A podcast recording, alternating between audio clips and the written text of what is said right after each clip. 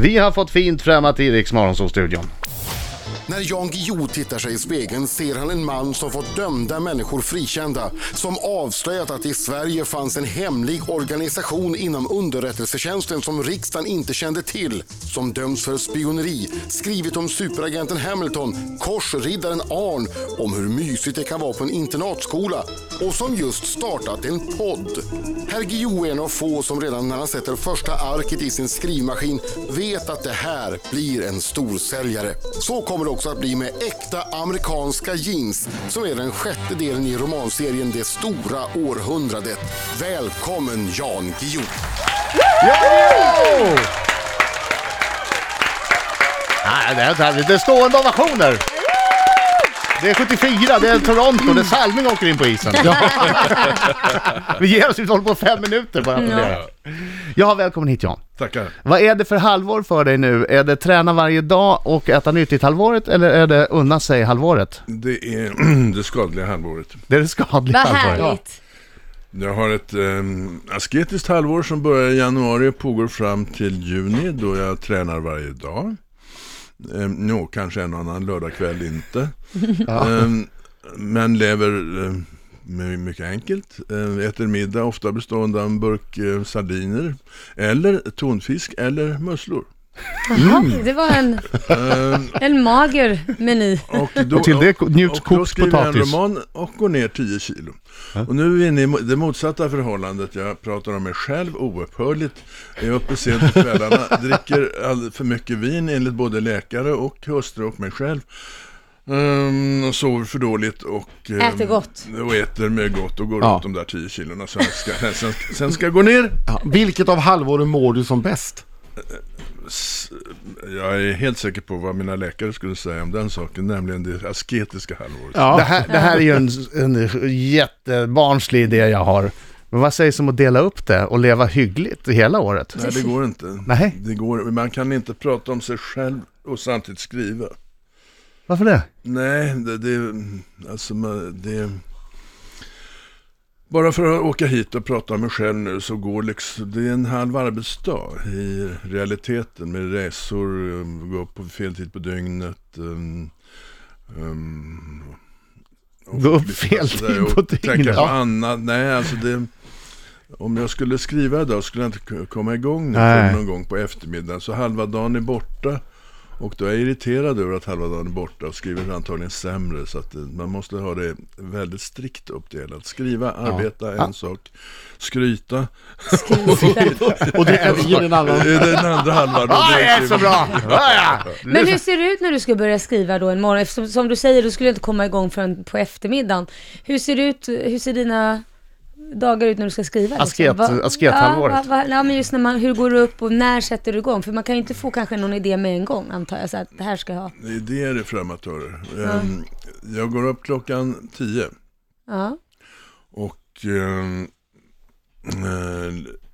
läser lite mejl och sånt där. Och sen så åker jag in till Östhammar och äter brunch. Då har jag blivit av med en måltid. Och kan liksom eh, rationalisera det. Kommer tillbaks eh, och läser dagens tidningar. Jag är ju kolumnist också även under eh, den seriösa delen av livet. Så jag måste hänga med på vad som sägs på alla ledare och kultursidor. Sen börjar jag arbeta klockan två ungefär och kör fram till sex. Då avbryter vi ett par timmar för eh, gymnastik, musselätning och återhämtning och sen skriver jag mellan 8 och 12. Och sen tittar jag på eh, enklare underhållning eller History Channel och om det är krig. Eh, och, och, fram till klockan två, går och lägger mig och går upp klockan tio. Så ser det ut. Du har inte fastnat Wow. för äventyrsprogrammen? Alltså överlevnadsprogrammen? Nej, det tror jag inte att jag skulle... Oh, du skulle gilla dem där. Nej, jag- Bear Grylls i jag- Sibirien ska överleva på Jo, det nej, nej, naturen just ger. det, det, det är hårda killar Ja. som går omkring och låtsas att de är ensamma Ja. ute i naturen. Ja, visst är det fånigt. Och, och jag, jag är allt mer grubblande ur det här. Ja, Tror folk på det 20 här? stycken i de, de, de har ju ett helt team med sig. Ja. Ja, De talar in i kameran om, om sin oerhörda ensamhet. Ja, och, och det roliga är också att, man, att de kämpar livet ur sig och klättrar och hoppar över raviner. Så vet man att en annan kille gör det mm, fast med en 10 kilo tung kamera, Kamera på axeln. han är inte huvudpersonen här. Nej. Jan Guillou i Rix Morgonzoo-studion. Ja, det är applåder igen. Det är applåder igen. Det är applåder igen. Jajamän. En får tacka. Äkta amerikanska jeans. Det handlar alltså om eh, det stora århundradet del 6. Och nu är vi i tredje generationen Lauritsen, alltså som vi känner till. Och det är Erik som 50-talet. pratar nu, 50-talet. Är Erik du Jan? I mycket stora delar, ja, visst. Därför att jag har för första och sista gången valt just jag-formen. Och eh, det är för att förenkla framställningen. Men, eh, en sån stor episk berättelse om 50-talet. Det är Ken Follett och det går åt helvete. Det är för mycket, det går inte att skriva på det sättet. Men eftersom 50-talet också är eh, tonårstiden, tonåringarnas genombrott. Vi uppfinns nu. Ja. Eh, så blir det eh, ganska fiffigt, hoppas jag, att lägga berättelsen i munnen på just en tonåring. Ja, det är, det är dubbelfiffigt det här. Därför att det är ju Erik som berättar. Fast egentligen berättar han när han är vuxen för eh, Johanne. Just det.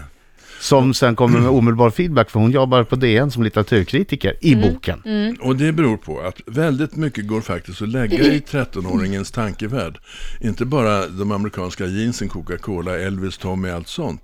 Utan faktiskt också kan man ju snacka krig och flygplan på eh, skolgården och få med förhållande till Sovjetunionen och Sputnik och ehm, invasionen i Ungern och mycket sånt där. Men vissa saker kan man inte kräva av en 13-åring. Exempelvis diskutera det litterära klimatet på 50-talet och, och, och övergången till 60-talet. Och därför får jag lägga på ett annat skikt, nämligen det du talar om, att det, det är en vuxen person egentligen som skriver. Men du föregriper ju där eh, vissa recensenter eftersom du redan går in. Du, du skriver ett parti, er, Erik skriver ett parti i boken. Och sen så skriver Erik som vuxen till Johannes att ja, det här kanske var lite barnsligt. Det här kanske inte hängde ihop helt men jag tycker ändå det är viktigt. Du föregriper recensenter varvid recensenter blir kränkta. De blir kränkta då. De har ju, vad ska jag skriva nu då? Ja. Ja. Du har ju redan skrivit det. De, sk- då får de ta till med de vanliga formlerna. Gestaltningen håller inte, um, han kör um, te- tell, don't show och um, sen så Vad sa du? Tell don't... show. Ja, Ah, det, är något, det är en sån där um, formel de upprepar alla. De. Jaha, okej. Det är de där som, är de män så är, vet jag vilka de är, det är de där som jag inte valde. Och eh, när vi skulle spela fotboll eller hockey någonting. Ja. Och de känner igen mig och jag känner igen dem. Och de har nu haft 40 år på sig att hämnas. Oj, oj, oj, oj, oj.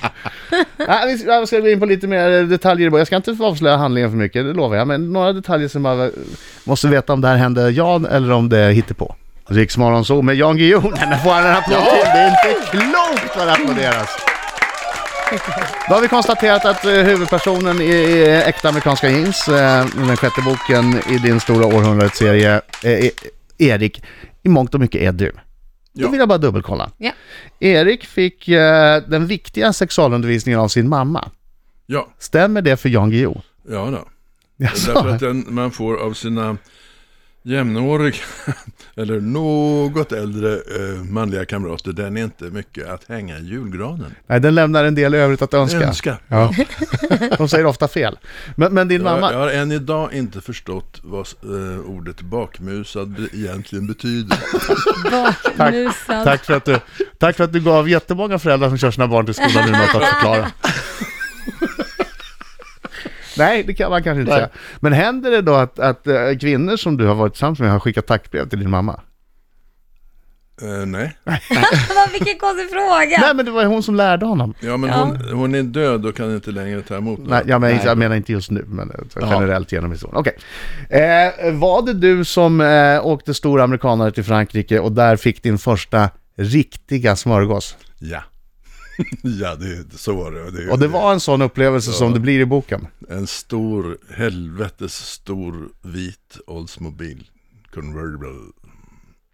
La Belle Américaine. Det finns en film faktiskt som het, heter just det, den vackra amerikanska La Belle Américaine. Och då var det exakt en sån bil. Jaha.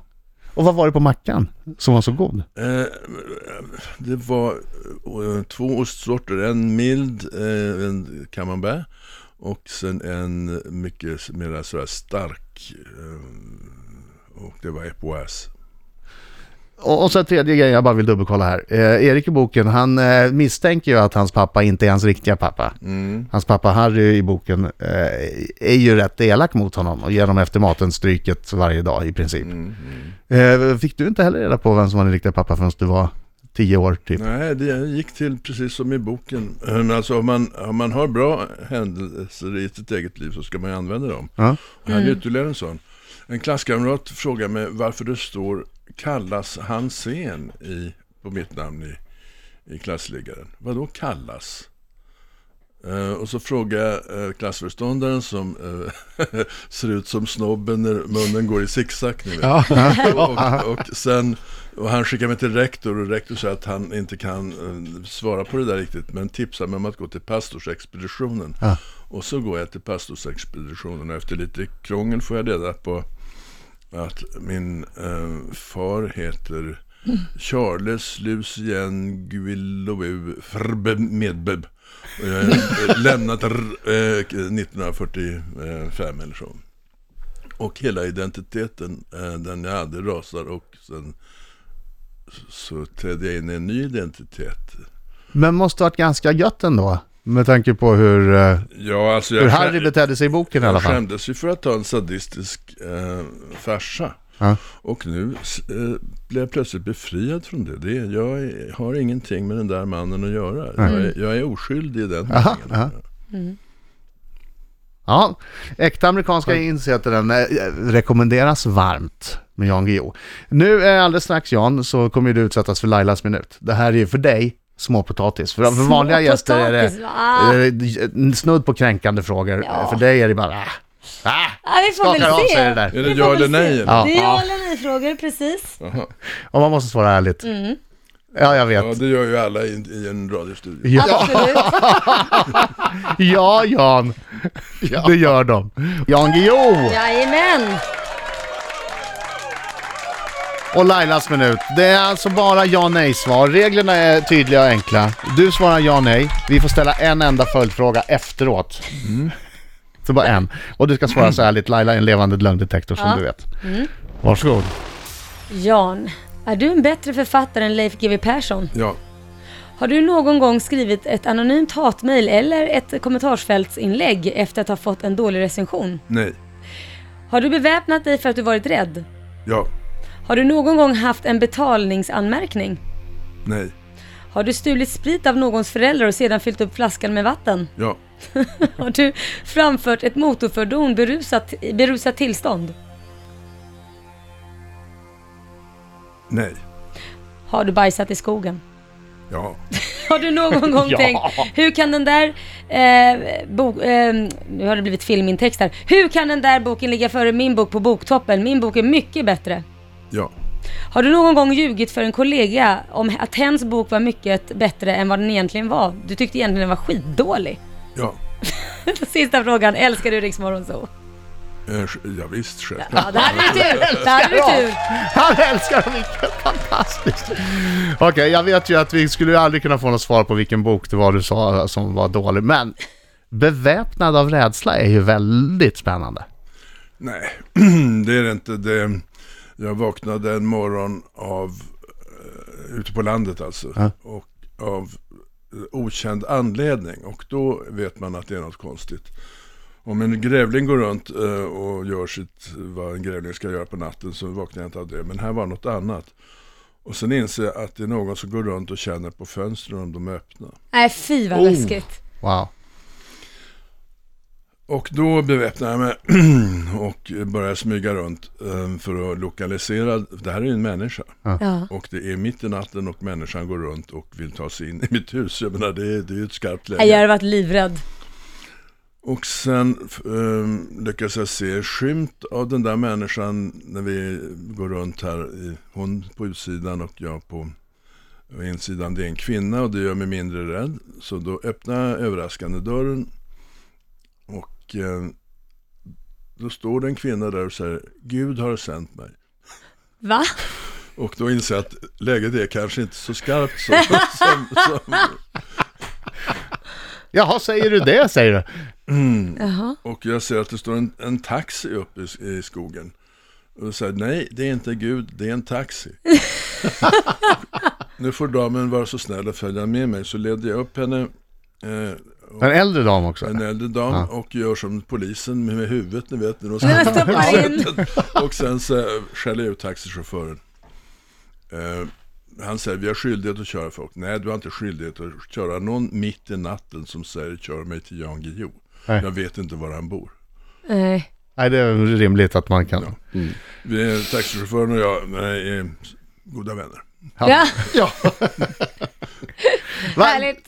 Äkta amerikanska in senaste boken eh, om eh, det 50-talet. Vad händer i nästa bok? Jag är jättenyfiken. Ja, då är det ju 60-talet. Ja. Och då är vi inte längre tonåringar. eh, Utan nu är vi eh, intellektuellt mera utvecklade 24-åringar. Och eh, den boken ska naturligtvis heta 1968. Det, det är rätt att göra uppror. Ah, du, du har redan allting? Det är klart han har. Ja, men då ses vi om ett år då. Ja, det hoppas jag. Ja. Tack för idag. Tack själva. Tack. Tack, hej.